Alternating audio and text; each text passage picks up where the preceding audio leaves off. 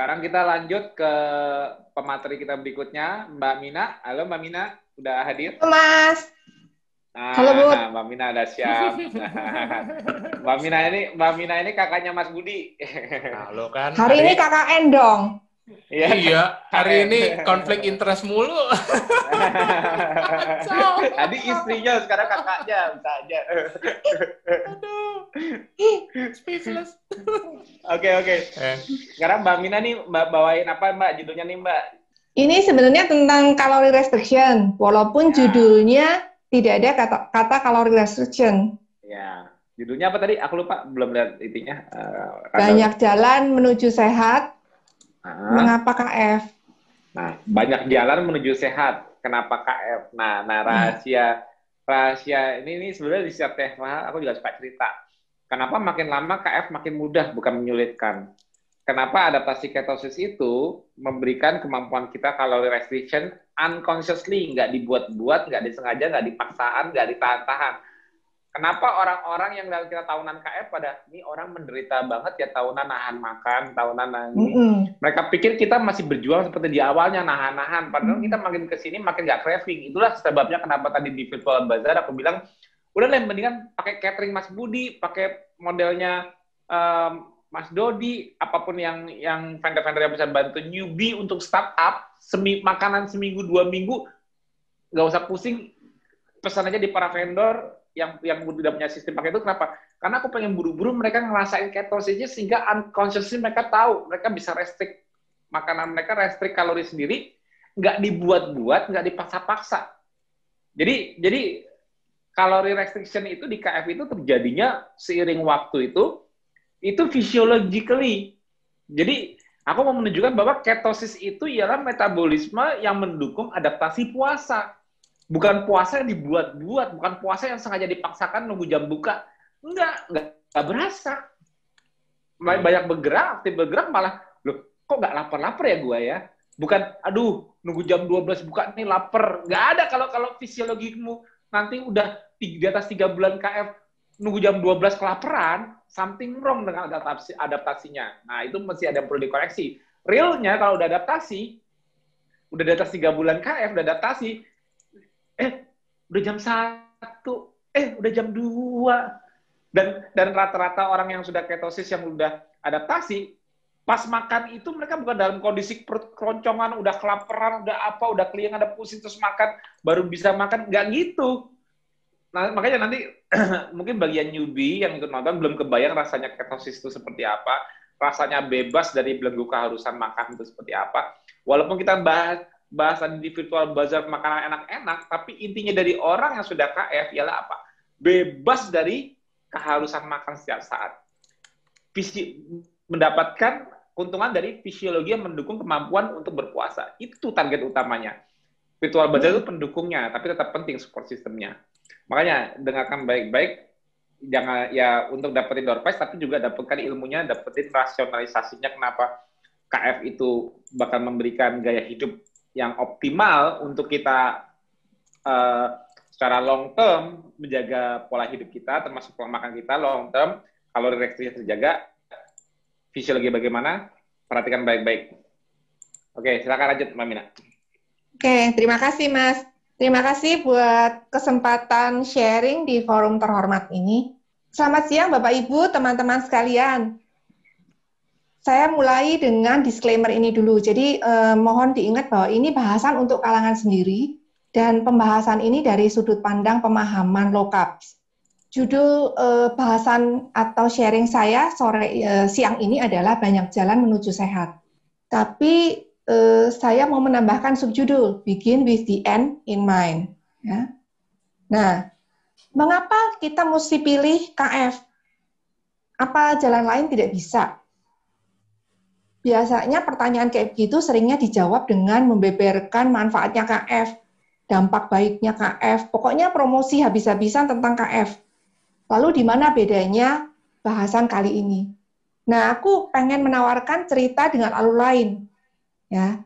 Jadi begin with the end in mind. Apa sih sebenarnya begin with the end in mind itu? Kalau kata Stephen Covey, Stephen Covey ini mengilustrasikannya dengan cerita kalau kita meletakkan tangga untuk naik. Katanya, katanya begini, kalau tangga itu tidak disandarkan di tembok yang benar, maka setiap langkah yang kita lakukan untuk menaikinya cuma akan lebih cepat membawa kita ke tempat yang salah. Kita mungkin jadi lebih sibuk, kayak gasing, karena bolak-balik naik turun, berulang-ulang menyandarkan tangga dari satu dinding ke dinding lainnya. Kita mungkin lebih efisien karena lama-lama kita pintar memanage prosesnya. Tapi kalau mau usaha kita benar-benar efektif, cuma bisa dengan bikin BCN in mind. Mulai dari tujuan akhir. Maaf kalau terjemahannya agak sedikit janggal di telinga. Nah, satu ilustrasi lagi Pernahkah kita mumet dengan tantangan maze labirin? Kita tidak tahu apakah jalan yang tersedia di depan kita itu sukses membawa kita ke tujuan yang kita mau, ataukah buntu, ataukah membawa kita kembali ke titik awal alias membawa kita cuma muter-muter tanpa bisa membawa kita ke tujuan yang kita inginkan. Ring a nggak? Dengan cerita pergumulan masing-masing kita mencari ikhtiar masalah kesehatan kita. Bagaimana kalau kita coba mencari dengan cara lain, yaitu dengan mulai dari tujuan akhir yang kita inginkan, lalu kita telusuri mundur selangkah demi selangkah sampai akhirnya kita sampai di titik awal kita sekarang berada.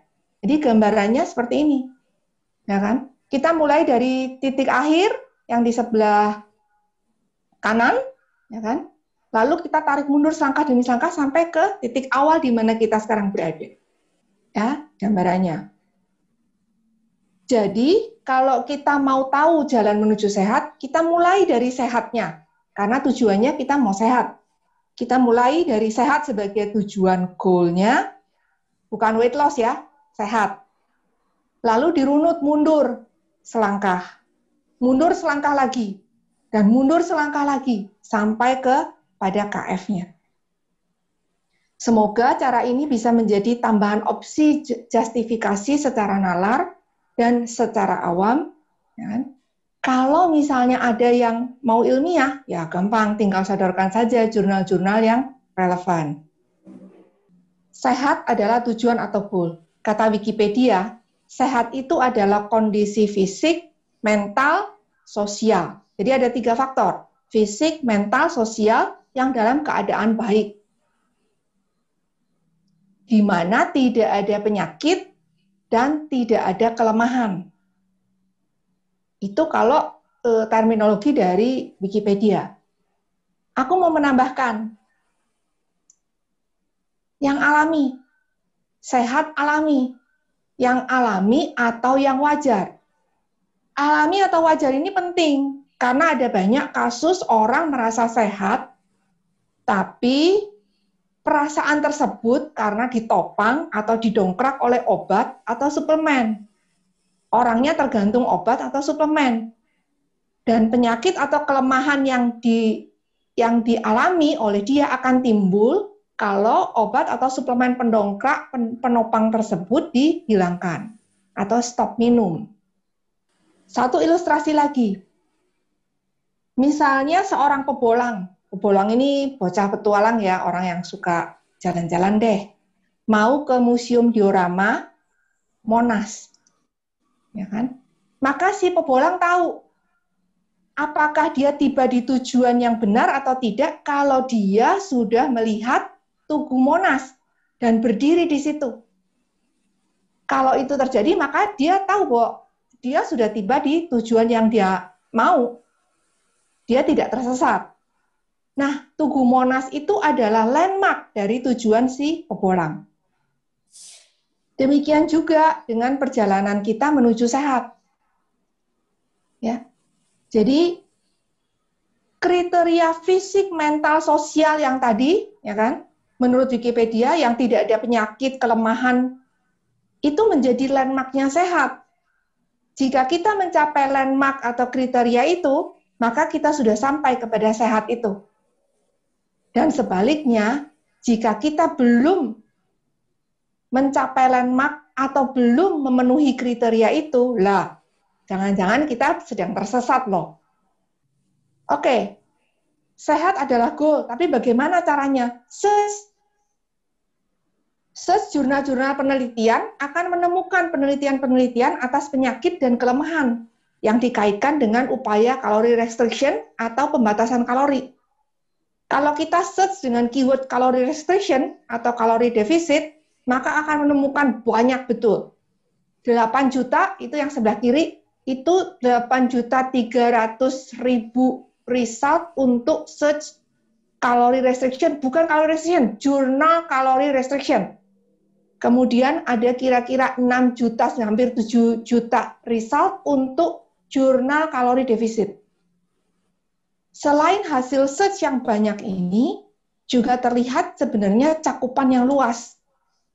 Tidak cuma satu jenis penyakit atau kelemahan, tapi bermacam-macam penyakit sampai kepada yang asumsi kita bukan tergolong sebagai penyakit itu, aging atau penuaan misalnya. Nah, apa sih hubungan dan peran kalori restriction atau kalori defisit ini dalam mencapai sehat? Kita kembali ke ilustrasi si pebolang yang mau ke Museum Diorama Monas dengan menggunakan landmark Tugu Monas. Sebagai penanda, dia sampai di tujuan yang benar. Katakanlah si pebolang tadi mengambil rute Blok M Sudirman Tamrin. Semoga teman-teman uh, lumayan familiar ya. Ini saya lagi uh, sengaja pilihnya Museum Monas supaya lebih familiar buat uh, uh, umum daripada mengambil satu tempat yang eksotis tapi banyak orang nggak kenal. Jadi kalau si pebolang ini mengambil rute Blok M Sudirman Tamrin misalnya ya, maka rute itu ditandai dengan adanya jembatan Semanggi, bundaran Tugu Selamat Datang, bundaran Patung Kuda sebagai landmark penanda bahwa dia berada di rute yang benar. Kalau dia nggak nggak ketemu penanda atau landmark itu artinya lah rutenya salah nih kan? Nah kita kembalikan lagi ke cerita perjalanan kita menuju sehat. Landmark penanda tujuan kita kan kriteria sehat menurut Wikipedia. Ya? Maka kalori restriction atau kalori defisit ini adalah rutenya atau action plan yang kita pilih rute ini kita pilih berdasarkan hasil search yang banyak tadi, ya kan dari Google tadi yang 8 juta dan 7 juta. Nah, ada satu pertanyaan menggelitik. Rutenya rute kalori restriction atau kalori defisit. Lalu posisi obat atau suplemen di mana dong? Well, sebenarnya tergantung bagaimana role-nya, ya kan? Role dari obat atau suplemen itu. Kalau Anda tergantung dengan obat atau suplemen itu untuk sehat, maka jujur sebenarnya Anda sudah tidak memenuhi kriteria sehat itu sendiri, bukan? Nah, harap dicatat statement ini bukan berarti bahwa kita menisbikan peran obat atau suplemen.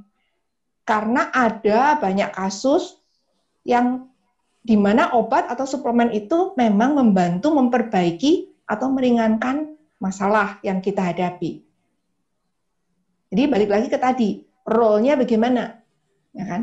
Kalau kita tergantung pada saat obat itu di stop, terus kita jadi tidak sehat, jadi sakit, ya artinya kita sebenarnya belum sehat itu. Nah, apa sih kalori restriction itu?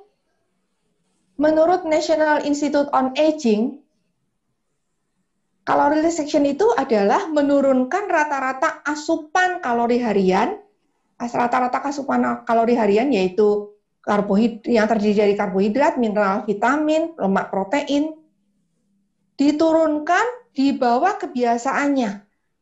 Jadi kalau biasanya makannya dengan takaran atau porsi eh, sekian, maka kalau kita melakukan kalori restriction, kita turunkan di bawah kebiasaan kita.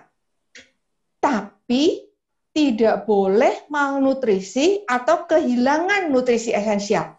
Ini bukan saya yang ngomong, ini yang ngomong National Institute on Aging. Ya kan? Jadi berarti dari sini ada dua key points. Satu menurunkan asupan kalori harian. Ini artinya bicara kalori intake, bukan total kalori yang di, eh, digunakan tubuh ya. Ini kalori intake karena menurunkan asupan kalori harian, artinya kalori yang kita asup, yang kita makan. Lalu yang kedua, ini key points-nya sebenarnya sifatnya syarat. Tidak boleh kekurangan nutrisi esensial atau tidak boleh malnutrisi, malnutrisi terhadap eh, nutrisi esensial. Nah, aku ingin menambahkan, menambahkan syarat tambahan. Tidak boleh menimbulkan gejala hipoglikemia dan neuroglikopenia. Lalu aku juga menambahkan syarat, ini syarat alamat mak lah. Kalau bisa syaratnya, ya, caranya yang mudah dan jitu-jitu dalam hal, hal sustainable ya. Jadi bisa jangka panjang deh. Nah, kita bahas yang pertama dulu tentang menurunkan asupan kalori atau menurunkan kalori intake atau gampangnya mengurangi makan. Itu bahasa bahasa eh, apa bahasa gampangnya. Ini adalah model timbangan Cico Cico itu Kiko sebagai kalori in kalori out. Ya, yang sering dipakai umum dipakai. Yang direstriksi adalah kalori yang masuk. Dan supaya lebih defisit atau lebih tekor perbesar kalori yang keluar. Ya, kalau energi outnya dibesarkan. Nah, perhatikan sisi kalori out. Kalori out ini menanggung aktivitas fisik 20 sampai 30 persen, lalu eh, pencernaan makanan kira-kira kurang lebih 10 persen, Lalu resting metabolism. Resting metabolism ini adalah BMR, eh, basal metabolic rate, yang cukup mengejutkan. Ternyata eh, alokasinya dia memakan 65 sampai 70 persen. BMR ini menarik dan kalau boleh bisa bisa dibilang dia menjadi semacam kayak eh, apa nih kuda hitam ya atau e, kuda Troya ya. Karena BMR itu menceritakan tentang energi yang tetap harus dibakar atau dikeluarkan atau di, di atau di eh, apa di expense ya kan walaupun tubuh kita seolah-olah nggak ngapa-ngapain diem aja ya kan memang kita tidak melakukan aktivitas fisik apa pun, tapi otak kita tetap jalan. Sel-sel tetap bermetabolisme, ya kan? Jantung tetap memompa, ginjal tetap bekerja melakukan tugasnya. Jadi, nah itu semua mesti dibiayai energinya kan. Nah itu yang masuk ke BMR atau basal metabolic rate ini atau resting metabolisme. Nah, ini yang menarik Coba bayangkan kalau BMR-nya sudah melambat, artinya orang itu mesti kompensasi gila-gilaan kejar olahraga. Ya kan? Karena energi out-nya eh, yang akan di, di, di expense oleh si BMR menurun karena usia misalnya, ya kan? Nah, gila eh, kejar eh, gila, eh, gila-gilaan di olahraga supaya defisit tekor kalorinya bisa tetap tercapai untuk mengkompensasi BMR-nya yang melambat dan tidak surplus kalori. Karena kalau surplus kalori, orangnya jadi membuat jadi tambah gemuk. Seperti cerita Pak Suyanta di uh, presentasinya tadi pagi. Ya kan? Nah, padahal BMR-nya melambat karena usia. Dan biasanya kalau orang usia sudah bertambah, eh, melanjut, itu saran medis tidak boleh forsir gila-gilaan olahraganya.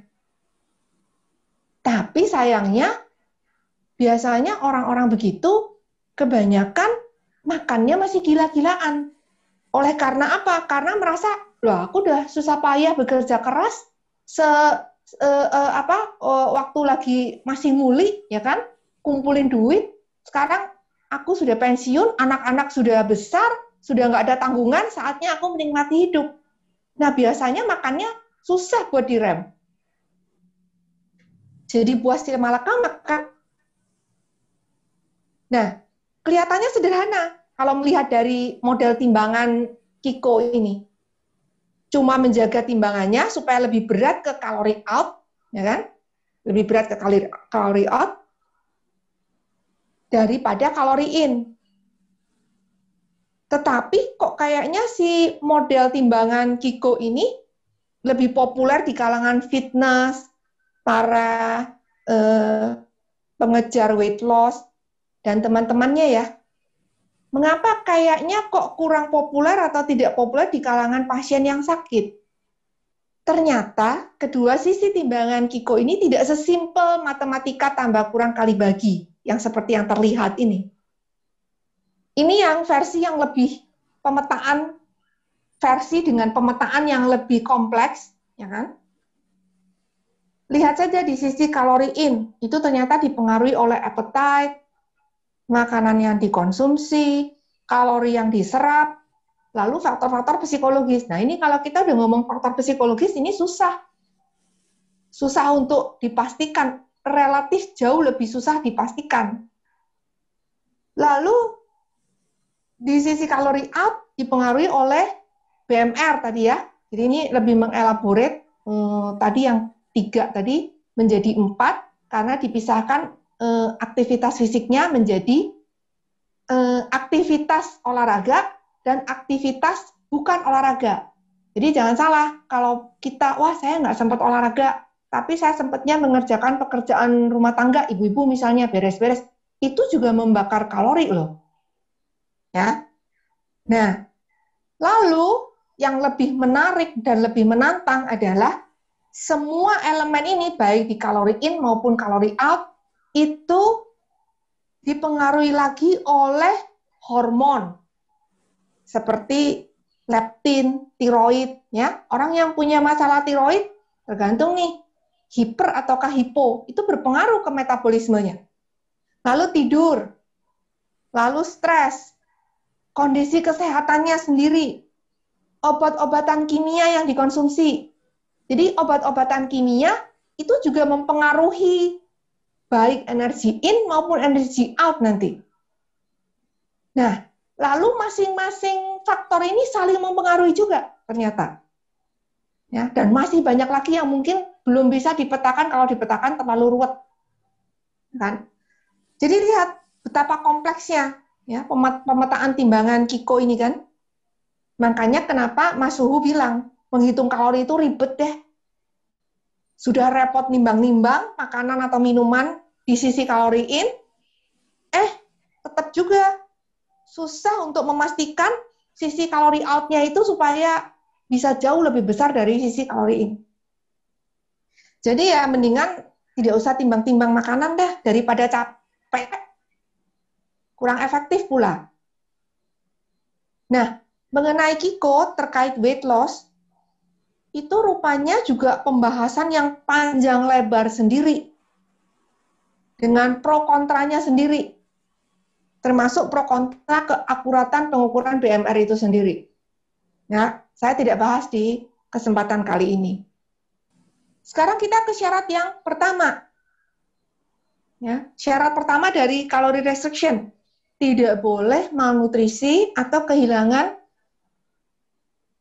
nutrisi esensial. Artinya ini bicara soal intake, soal pada saat kita makan atau minum. Jadi karena syaratnya dari kalori restriction itu tidak boleh malus pada saat kita makan atau minum, maka kita tidak boleh kehilangan nutrisi esensial itu. Nah, yang tidak boleh hilang adalah ini. Nutrisi esensialnya adalah 9 es, eh, amino eh, asam amino esensial dan dua eh, asam lemak esensial. Makan minum dikurangi, frekuensinya kah? Jumlahnya kah? Jenisnya kah? Silahkan. Tapi yang dimakan atau diminum harus ada sembilan asam amino esensial dan dua asam lemak esensial. Nah, berikutnya ke syarat yang kedua. Nah kan? Tidak boleh mengalami gejala hipoglikemia dan neuroglikemia, neuroglikopenia. Saya ulang ya, gejala ya, tidak boleh mengalami gejalanya, bukan kondisi. Apa bedanya? Wikipedia bilang, hipoglikemia atau gula darah rendah adalah kondisi di mana kadar gula di bawah darah eh, di dalam darah berada di bawah normal. Ya kan? Itu kondisinya di mana bisa mengakibatkan berbagai gejala termasuk perasaan lapar, keringetan, gemetar, kebingungan, cemas, lemas, berdebar, kehilangan kesadaran. Sedangkan untuk neuroglikopenia itu adalah kondisi kekurangan gula di dalam darah. Jadi hipoglikemia tapi yang terjadi di dalam darah di otak sehingga mempengaruhi fungsi-fungsi sel syaraf serta fungsi dan perilaku otak. Jadi kita boleh mengalami gejalanya. Gejalanya apa? Eh, sorry, kita boleh mengalami kondisinya. Kondisinya apa? Kadar gula di dalam darah sangat rendah. Nah kan? Bahkan ada yang di bawah 30 mg per desiliter. Ada yang bahkan di bawahnya 30 itu. Kondisinya kita boleh mengalami, tapi kita tidak boleh keluar gejalanya, tidak boleh menderita gejala hipoglikemik dan neuroglikopenianya. Nah, bagaimana itu bisa terjadi? Kita lihat ke setiap organ. Ya. Bahan bakar apa? Bahan bakar apa saja yang bisa dipakai oleh masing-masing organ. Nah, kita lihat di slide ini bahwa hampir semua organ itu punya opsi lebih dari satu bahan bakar. Hampir semua punya opsi lebih dari satu bahan bakar, punya pilihan. Kecuali, kalau di slide ini, kecuali satu, red blood cell atau sel darah merah. Nah, saya tambahkan, tidak ada di slide ini, tapi saya tambahkan bagian otak, tapi yang bagian primitifnya. Jadi tidak semua otak, tapi hanya sebagian kecil otak yang adalah bagian primitif otak. Pertanyaannya, apa iya organ yang punya opsi pilihan bahan bakar ini bisa ganti bahan bakar? Ya, mereka bisa ganti bahan bakar. Tapi mesti terpaksa atau dipaksa. Kenapa? Karena bahan bakar preferensi nomor satu memang adalah glukosa. Ya, kalau kita lihat di sini nomor satu glukosa semua. Ya kan? Nggak ada yang nomor satunya adalah keton atau fatty acid nggak ada. Mesti dipaksa. Kalau dipaksa atau terpaksa, maka ya mau nggak mau eh, dia akan ganti. Nah, pertanyaan berikutnya, bagaimana dengan organ yang tidak punya opsi pilihan bahan bakar? Yaitu tadi ya, dua kan, sel darah merah dan otak bagian primitif. Nah, ini akan ada, eh, bukan berarti bahwa uh, organ ini ataukah sel ini menjadi terlantar atau nanti jadi fungsinya menurun karena tidak dapat uh, apa bahan bakar akan ada mekanisme gluconeogenesis atau GNG eh, kependekannya di liver yang membuat glukosa swasembada. Jadi ibaratnya glukosa yang dibikin sendiri. Ya, nah itu pembahasan terpisah. Tadi Mas Suyanta sempat singgung, ya kan Mas Tio juga sempat singgung e, menambahkan. Berikutnya lanjut ke key point cara yang mudah dan sustainable. Harapannya emak-emak. Kita lihat apa yang terjadi saat kalori defisit. Saat kalori defisit yang terjadi adalah proses glikogenolisis, artinya pembongkaran glikogen yang ada di liver dan bukan cuma di liver sebenarnya di otot ya kan dan di e, beberapa tempat lain tapi biasanya kecil. Lalu ada proses kedua yaitu lipolisis. Kalau tadi pembongkaran glikogen, lipolisis ini pembongkaran lemak. Kedua proses itu sebenarnya artinya cuma satu, cuma memberikan satu pesan yang jelas. Kalori defisit yang efektif itu adalah kalori defisit atau kalori defisit yang efektif itu adalah yang sampai membuat cadangan glikogen orangnya menjadi kosong. Nah, inilah landmarknya cadangan uh, landmarknya kalori defisit yang efektif. Landmarknya kalori restriction atau kalori defisit, landmarknya adalah cadangan glikos, glikogen harus kosong. Itu landmarknya. Ibaratnya sama seperti jembatan Semanggi, bundaran Tugu Selamat Datang, atau bundaran Patung Kuda yang menjadi landmark penanda benar tidaknya rute Blok M, Sudirman Tamrin, cerita si. Kalau dia dalam perjalanan ke Monas lewat rute yang dia mau Blok M, Sudirman Tamrin, dia tidak menemukan eh, apa jembatan Semanggi dan seterusnya, artinya dia jangan-jangan dia di rute yang salah. Pertanyaannya adalah karena karena ini ngomongin cadangan gliko uh, landmarknya adalah cadangan glikogen yang kosong. Nah, pertanyaannya adalah seberapa banyak sebenarnya cadangan glikogen saya? Seberapa lama waktu yang dibutuhkan tubuh untuk menghabiskan cadangan glikogen saya itu? Besarnya cadangan glikogen ternyata berbeda satu orang dengan yang lain. Ya. Karena tergantung besarnya liver, besarnya massa otot, ya kan? Nah, oleh sebab itu memastikan cadangan kosong itu menjadi challenging. Apalagi menjawab pertanyaan berapa lama bisa cadangan glikogen saya benar-benar habis. Saya sampai kepada landmark bahwa saya eh, kalori eh, restriction saya efektif. Nah, kan?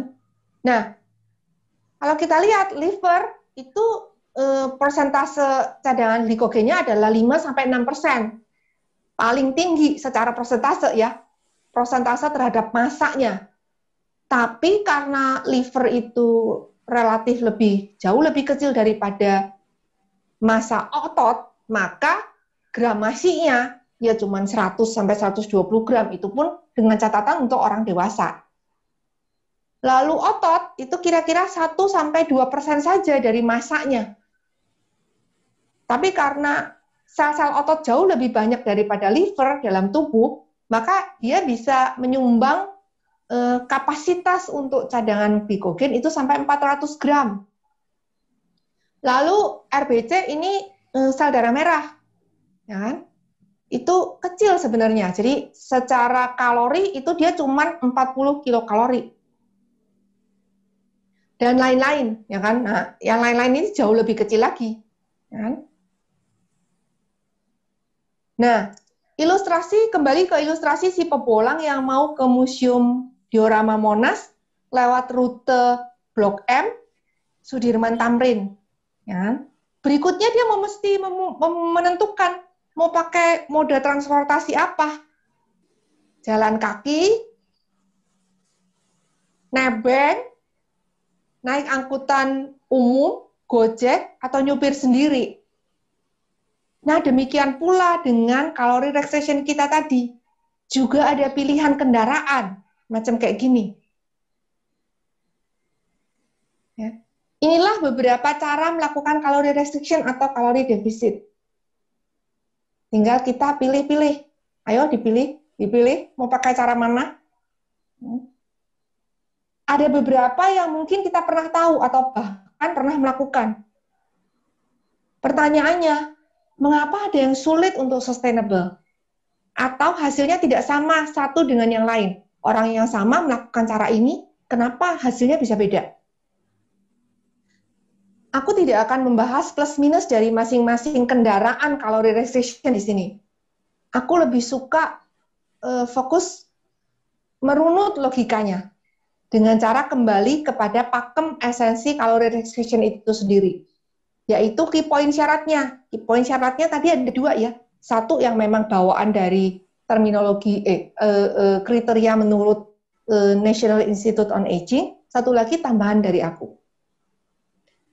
Key point syaratnya ada dua, satu tidak boleh kekurangan nutrisi esensial. Lalu yang kedua, tidak boleh memunculkan gejala hipoglikemia dan neuroglikopenia. Sekali lagi gejala ya, bukan kondisi. Nah, silakan dianalisa sendiri mana-mana kendaraan yang sebenarnya kalau kita jujur sudah terseleksi alam oleh syarat itu.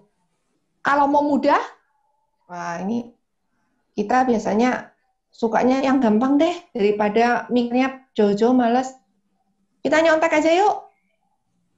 Kita contek yang sudah teruji dalam jangka panjang. Siapa? Kita nyontek siapa? Nah, perkenalkan nenek moyang ancestor kita. Ini contekan yang paling living, living proof keturunannya melintasi evolusi yang panjang. Dan beginilah pola hidup mereka, banyak bergerak, bergerak dulu, tidak selalu makan, atau maaf, tidak mengunyah sepanjang waktu, baru kemudian makan. Banyak kan bergerak deh, kalau di potret itu bergerak dulu, bergerak dulu. Dan yang menarik kalau kita jujur, alam sejatinya memisahkan predator pemangsa dari pre makanannya. Ini quote dari Mas Suhu. Memisahkannya dengan cara apa? Dengan menyisipkan ruang jarak dan waktu. Ruang atau jarak dan waktu. Jadi ruang dan jarak itu ditaruh di antara pemangsa dan makanannya. Ya kan sebagai pemisah Nah, itu eh, kebijakan alam. Karena kalau enggak, ya habislah itu mangsa semua dimakan oleh pemangsanya. Dan yang menarik kalau diperhatikan lebih jauh, kalau makanan itu sifatnya nutrisi esensial seperti hewan, maka pemisah jarak dan waktu yang tercipta yang tercipta itu lebih besar. Karena si si mangsa ini lari menyelamatkan diri sehingga perlu diburu ya kan? Dibandingkan kalau makanan itu sifatnya nutrisi tidak esensial seperti dari tumbuhan, karena tumbuhan diam di tempat. Nah, dari sini pesannya cuma satu, ancestor itu ancestor kita itu seringnya puasa daripada makan. Nah, kalau kita tadi sepakat kita mau nyontek, jadi kita juga sepakat ya, kita puasa. Sebagai kendaraan yang kita pilih. Kalau ini puasa di zaman ancestor, lah ini puasa di zaman modern, kita tidak bisa lagi mengandalkan pemisah jarak atau ruang. Karena kemajuan ilmu dan teknologi, terutama di bidang pertanian, peternakan, perikanan, itu ketersediaan makanan udah hampir tidak mengenal musim. Jadi harus membatasinya cuma bisa mengandalkan lewat waktu. Artinya lewat jendela puasa yang panjang, jendela puasa, eh jendela makan yang pendek. Kalau puasa atau tidak ada asupan, maka glikogen di liver dihabiskan dan kosong. Maka tubuh yang punya pilihan opsi bahan bakar tadi akan menggunakan keton atau asam lemak. Ingat ya tadi step yang ada pilihan 1 2 ya. Nah, ini e, ibaratnya kalau ada tuas, tuasnya itu kita geser dari bahan bakar opsi yang glukosa menjadi ke lemak. Sedangkan sel yang tidak punya pilihan tetap pakai glukosa, tapi berasal dari gluconeogenesis yang dibuat oleh yang terjadi di liver. Sehingga orang tersebut tetap ketosis, tetap menggunakan bahan bakar lemak asam lemak atau keton secara mayoritas. Ya kan?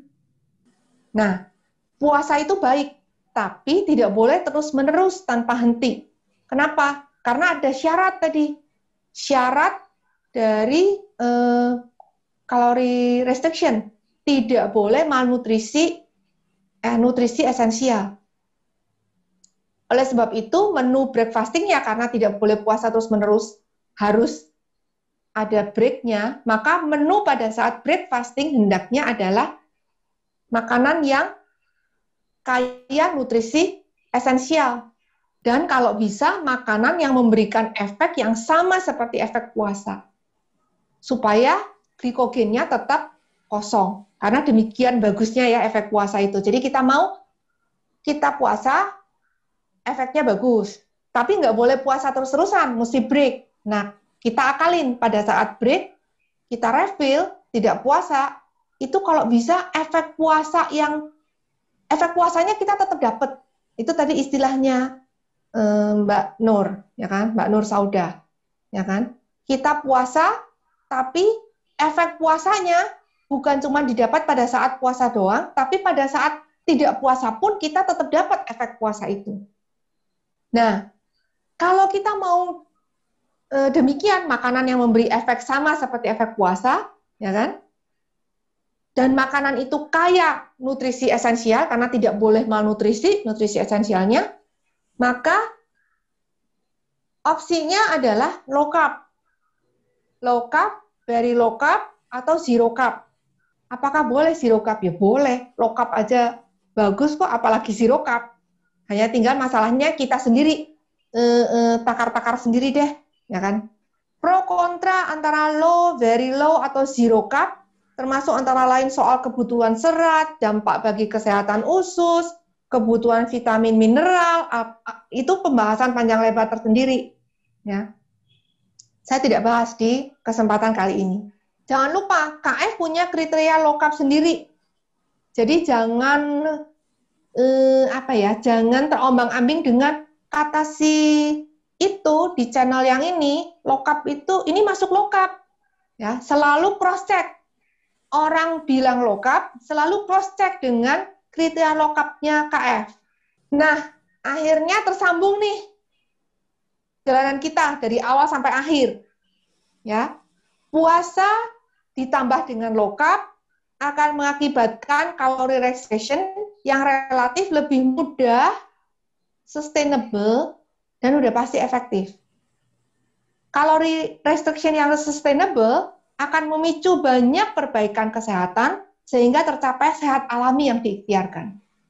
Nah, ceritanya cukup sampai cukup sekian sampai di sini. Dan aku tutup dengan permenungan ini. Kalau Anda dibully karena KF, Anggaplah Anda dibully karena Anda memilih berjalan kaki. Padahal Anda memilih berjalan kaki dengan pertimbangan bahwa Anda ingin menikmati rasanya tubuh membakar kalori. Merasakan sensasi berkeringat sambil menikmati pemandangan di jalan lebih lama. Apakah salah dengan pilihan itu? Oke. kayak kayak ini nostalgia. Tapi sisi yang berbeda jadinya, ya. Ada apa? Sisi penjelasan yang berbeda di mana tadi itu keren tuh quote terakhir. Maksudnya oke, okay, kita sama-sama menuju sehat, tapi ya anggap aja kita dibully karena nggak naik mobil, gitu ya Mas Tio ya? Ya, betul. Tapi naik naik apa? Jalan kaki. Jalan kaki. Yang aku senang tuh justru malah tambahan dari Mbak Mina mengenai calorie restriction. Hmm. Tambahan yang dengan syarat tidak hipoglikemia yang menunjukkan neuroglikopenia. Hmm. Banyak banyak jalan menuju calorie restriction. Hmm. Mana yang sustainable? Nah, itu sustainable sustainabilitas itu ya, makanya aku selalu bilang rahasia calorie restriction itu ialah di sini. Hmm. Maksudnya di sini tuh secara fisiologi ya bukan mindset maksudnya mindset aku aku determina apa berdeterminasi untuk tidak makan banyak. Tidak hmm. tidak apa namanya uh, berusaha untuk makan tidak dalam porsi besar. Aku berusaha mengurangi makanku.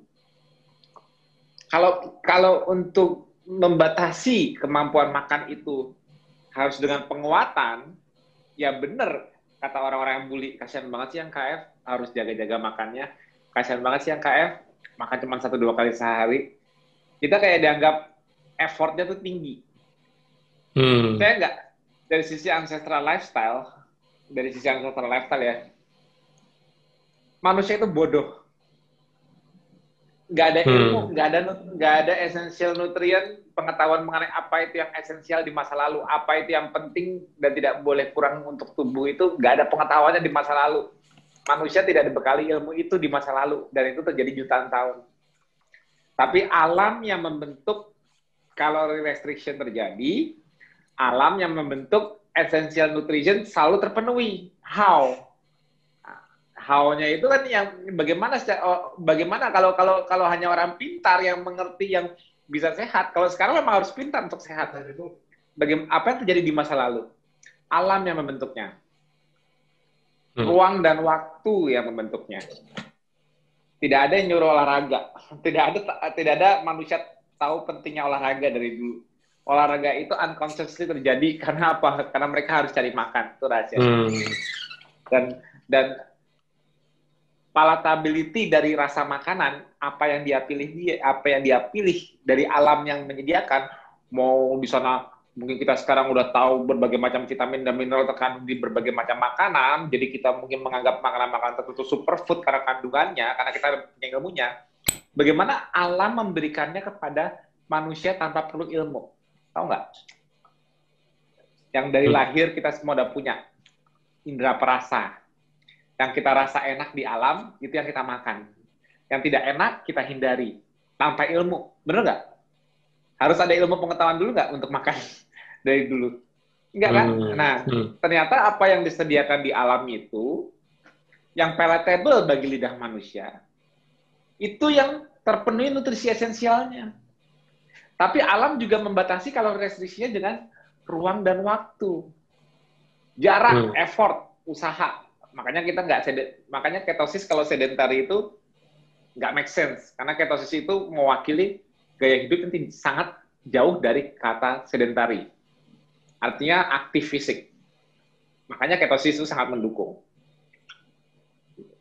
waktu hmm. waktu itu udah pasti menunjukkan manusia tidak makan tidak bisa makan tiga kali sehari di masa lalu atau bahkan lebih dengan cemilan-cemilannya nah waktu yang dibentuk oleh alam ini membuat mereka unconsciously kalori restricted dari sisi bodohnya. Nah, kenapa semua itu kita perlu tahu? Karena sekarang alam tidak memberikan hal yang sama. Jadi kamu tidak oh. boleh bodoh, kamu tidak boleh bodoh hidup di alam ini. Hmm. Rusak kamu kalau kalau bodoh hidup di alam ini. Rusak kamu ngikutin hawa nafsumu di alam ini. Di alam yang dulu manusia memang cara cara kan dan sebagainya memang cuma hawa nafsu. Memang nggak ada mereka belum punya ilmunya hawa nafsu, tapi hawa nafsunya terkekang oleh alam. Alam sekarang tidak mengekang hawa nafsumu, justru malah kalau kamu bebas melampiaskan hawa nafsumu, selesai kamu di alam ini. Makanya hmm. alam, makanya protokol KF dibuat untuk membatasi diri kita di tengah melimpah kelimpahan, di tengah affluent. Dulu dulunya dulunya uh, segala hal itu kurang. Sekarang segala hal berlebih. Tapi segala hal berlebih ini kalau kita tidak punya ilmu, tidak mengerti pilihannya, selesai kita. Hmm. Nah itu itu itu yang aku maksud dan dan di alam dulu, di alam dulu ketosislah yang mendukung kondisi tersebut. Kalau di di kondisi sekarang untuk mengurangi efek buruk dari kelimpahan berbagai melimpahnya makanan, makanya banyak jurnal yang support kalori restriction. Artinya tidak ada kata kalori restriction di masa lalu. Orang tidak ngerti apa itu kalori, tidak ngerti kenapa harus membatasi makan. Benar nggak? Apakah kalori kalau kalau jutaan jurnal yang bilang kalori restriction itu sehat itu yang dengan ilmu sekarang hanya orang sekarang sehat, dulu nggak sehat. Nah, dulu kalori restricted by nature alam. Hmm. Itu rahasianya. Tapi apa yang membuat mereka mudah menjalankan kalori restriction di masa lalu karena alam membentuknya. Kalau sekarang apakah kita harus melakukan kalori restriction secara voluntary? Maksudnya kita sengaja menjaga, aduh aku masih lapar tahan, aku harus kalori restriction. itu juga juga juga nggak bakal sustainable. Kalau aku bilang itu nggak bakal sustainable. Kalau kalau setiap untuk menjaga apa yang kita makan itu kita harus melawan fisiologi kita saat fisiologi kita tidak mendukung kemampuan kita untuk kalori restricting hmm. tidak mendukung kita. Jadi jadi kita berusaha memperkecil porsi atau kalori makanan kita, tapi fisiologi itu fisiologi kita tidak mendukung karena apa? Karena kita bergejala hmm. saat kita berusaha mengurangi makan. Craving kita tidak hilang. Kita kayak hmm. aduh nggak tahan, jadi kayak kayak craving berlebihan. Itu juga hmm. juga secara psikologi jadi malah ada stres psikologi karena hmm. kita kita karena kita nggak bisa makan ini nggak bisa makan itu terus kita ada, ada kayak ada stresnya kayak ada menahan yang terlalu berlebihan Makanya hmm. orang yang lihat orang KF udah lama bilang, aduh mereka menderita banget nggak bisa makan durian kayak gue. Mereka menderita banget nggak bisa makan mie ayam kayak gue. Mereka menderita banget nahan-nahan nafsu. Mereka menderita banget nahan-nahan hmm. lapar. Ya biar aja mereka yang bully. Mereka kan nggak tahu bahwa fisiologi kita sudah mendukung. Makanya aku bilang, kenapa pentingnya jalani dulu KF-nya. Hmm. Learning by doing. Belajar hmm. mengubah. Satu dulu, saya belajar jurnalnya dulu. Aku pernah dapat kakak saya susah banget dikasih tahu mas. Saya udah mengajar dia KF kakak saya orang kesehatan. Pas aku bilang ya udah belajar sambil jalan. Alasannya apa? Ya kakak saya tidak pernah katanya kakak saya bilang katanya dia nggak mau melakukan diet apa pun itu kalau belum ada basic ilmunya. Nah sekarang kamu makan apa? Apa aja dimakan mas? Nah apa aja dimakan dimakan sama dia itu jurnalnya ada nggak? Diam dia. Dia, dia untuk dikasih tahu sesuatu yang sehat nggak mau. Kalau nggak lengkap kalau dia belum ngerti jurnalnya apa apa nggak mau tapi dia bilang, sekarang kakaknya makan. Apa aja dia dimakan, Mas. Dia gemuk. Gemuk. Jurnal yang mendukung dia untuk menjadi gemuk dan makan apa, apa aja apa? Kan belum ada jurnalnya kenapa ada. dia.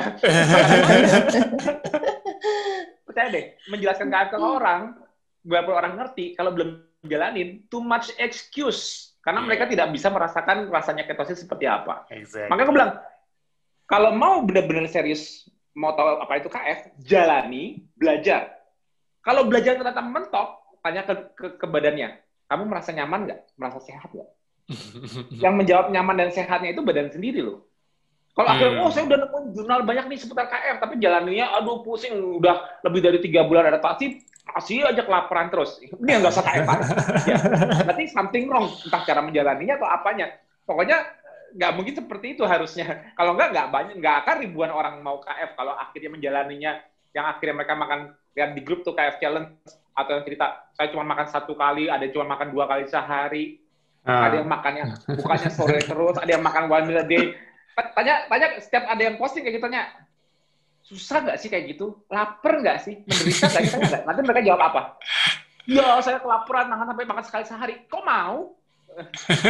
sampai tiga hari nggak makan, tiga hari nggak makan, kok mau sih? Apa nggak menderita? Enggak, justru karena mereka mereka sudah merasakan, mereka bisa membuktikan makanya aku bilang kalau jalanin kalau mau tahu apa bagi newbie nih mau tahu apa itu KF masih belajar learning by doing. Nggak tahu apa yang dimakan. Nah tadi di virtual bazar tuh. Nggak tahu pesen aja dah jalanin seminggu. Nah kalau udah sambil belajar pinter oh udah gue nggak usah beli lagi gue udah bisa masak sendiri. Kan gampang. Hmm. nah yang yang penting exactly. yang kita kejar ialah merasakan fisiologi ketosis. Merasakan terbebasnya kita dari belenggu keharusan makan setiap saat merasakan mudahnya memiliki gaya hidup kalori restricted yang sehat itu dengan dukungan berbagai jurnal, tapi dengan cara yang kita memenuhi syarat esensial nutrisi kepenuhi. Coba yes. esensial nutrisi apa nggak kepenuhi di KF? Ada semua kan? Ada semua. Dan, dan cara yang dimakan di KF itu cara orang di masa lalu memilih makanan mereka tanpa ilmu. Apa? Tidak. Makanan di KF enak nggak? Eh, Pahit. Hmm, pahit makan ikan. Enak kan? cuman, cuman ada yang merasa kurang super enak. Ya iya betul. Kurang super enaknya apa? Karena nggak ada nasinya lagi. Kalau ada nasinya super enak. Ada minyak uh. super enak. Tapi dengan makan lauk tiga udah enak belum? Enak sih. Enak nah, kalau kamu suruh nasi, lauk. Kalau suruh makan sendiri-sendiri, mana yang enak? Ya lauknya lah mas ya udah. Iya, lauknya iya. enak berarti kan. Nah, nasinya kalau makan sendiri nggak enak. Kalau nasi plus lauk super enak. Kamu terlalu mau yang super sih. Jadi alam menyediakan yang palatable alias bisa dimakan dan terasa hmm, enak. Hmm. Hmm. Tapi dunia sekarang menyediakan yang hyper palatable. Super sangat enak. enak dan nagih. Itu kendalanya. Akhirnya kita selalu hmm. makan karena kita dibikin selalu hyper palatable. Cukup makan palatable, cukup makan palatable yang enak dimakan, tapi unconsciously nggak perlu hitung-hitungan, kamu nggak bisa makan lagi. Kenapa? Perutmu nggak mengizinkan. Fisiologimu tidak mengizinkan kamu untuk selalu makan lagi. Karena hmm. nggak makan pun aku seger. Kebanyakan makan aku ngantuk, aku malah nggak bisa kerja. Nah, jadinya setelah setelah KF itu bukti bukti bahwa manusia itu hanya cukup sepertiga lambung, hanya untuk kayak ini yang di di di di japri apa di chat Mbak Sari bilang hanya untuk menegakkan punggung artinya dari kita lemas kita tegak lagi cukup berenergi itu hmm. semua kejawab semua jawabannya ialah apa itu semua mudah kalau kita bisa lihat kulkas di dalam sehingga tidak Hmm. selalu buka kulkas di luar. Hmm. Tapi akan sulit seperti itu kalau kita hanya bisa melihat energi dari sumber kulkas di luar. Kulkas di dalam udah sebesar ini, sudah sudah sebesar ini, sudah sebesar ini di mana-mana, tetap harus buka kulkas dari luar untuk tidak simptomatis dan bergejala. Kan konyol manusia kalau kayak gitu. Betul nggak? Nah itu makanya eh, hari ini Mbak Mina itu membawakan sesuatu yang esensial dari apa itu KF. Yang esensial itu ialah what do you want in life? Do you Hmm. want to live to eat or eat to live? Itu live. Jadi esensialnya gitu loh. Jadi abaikan semua yang bully tentang apa yang dimakan. Wah makanan KF mas serem tinggi protein apa apa lihat aja ntar sakit kan gini-gini. Enggak, padahal padahal yang kita yang kita ingin dapatkan ke depannya dari kita tetap makan yang sumber hewan ini ialah apa? Kemampuan untuk tidak selalu makan nantinya. Hmm. Kemampuan menghilangkan craving itu yang harusnya long term effect yang dilihat dari KF ialah apa? Bukan orang yang makin gila nih makanan. eh, Gila nih. Udah pinter aku. Gila nih. yang bukan orang yang makin gila nih makannya, makin berlebihan makannya. Wah, ini orang makan tunjang, makan tetelan apa-apa, lihat aja nggak sakit dia makan terus. Padahal dia nggak tahu itu cuman akhirnya cuma makannya cuma sekali sehari. Hmm. Masih kenyang. Dibanding orang yang makan lauknya dikit, nasinya banyak, misalnya, akhirnya makan berapa? Tiga kali. Plus snack dua kali. roti, roti nggak dihitung makanan, enggak, itu snack. Ini, ini belum makan. tapi saya makan daging nggak banyak kok. Saya makan daging nggak banyak. Saya makan daging nggak banyak, tapi kamu makan terus. Saya makan daging kelihatannya banyak, tapi saya sekali makan. Mau apa? Coba itu itu kalorinya banyakan mana? Coba mana yang paling bisa sustain kalori restriction-nya? Sam- Sama-sama sama-sama justify sehatnya di kalori restriction aja deh. Sama-sama nggak usah nggak usah ngomong, oh saya makan tetelan lebih sehat, ya. saya makan daging lebih sehat, saya makan Oh. lebih sehat. Oh saya makan nasi apa lebih sehat? Nggak usah gini. Mana yang lebih mampu gaya hidupnya membuat kalori restriction sustainable jangka panjang, seperti yang didukung oleh jurnal-jurnal tersebut. Hmm. dijawab. Makanya jalani kayaknya learning by doing.